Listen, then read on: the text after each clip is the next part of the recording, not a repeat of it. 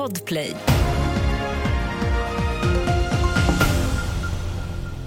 Vi börjar i Bryssel där polisen ännu inte har gripit någon misstänkt efter skottlossningen där igår kväll då en svensk kvinna i 30-årsåldern skadades. Kvinnan arbetar med Moderaterna i EU. Hennes skador ska inte vara livshotande. Belgisk polis tror inte att det är terrordåd utan att det kan vara en narkotikauppgörelse. Sju elever på en skola utanför Lund har blivit sjuka i tyfoidfeber, det rapporterar SVT. Det är en allvarlig bakteriesjukdom som kan leda till blodförgiftning. Sjukdomen är sällsynt i Sverige och smittskyddet i Skåne har inte lyckats utreda varifrån smittan kommer.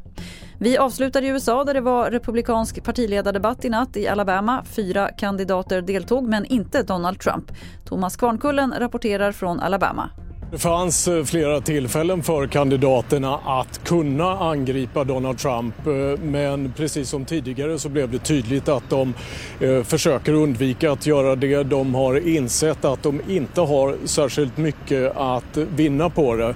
Men det fanns ett ögonblick som blev oerhört spänt och som nästan urartade i, i bråk när Floridas guvernör Ron DeSantis pressades mycket hårt på om han tycker att Donald Trump är mentalt kapabel att eh, bli president igen.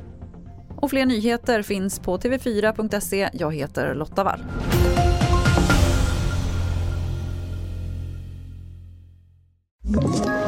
Ett poddtips från Podplay. I fallen jag aldrig glömmer djupdyker Hasse Aro i arbetet bakom några av Sveriges mest uppseendeväckande brottsutredningar går vi in med hemlig telefonavlyssning och, och då upplever vi att vi får en total förändring av hans beteende. Vad är det som händer nu? Vem är det som läcker?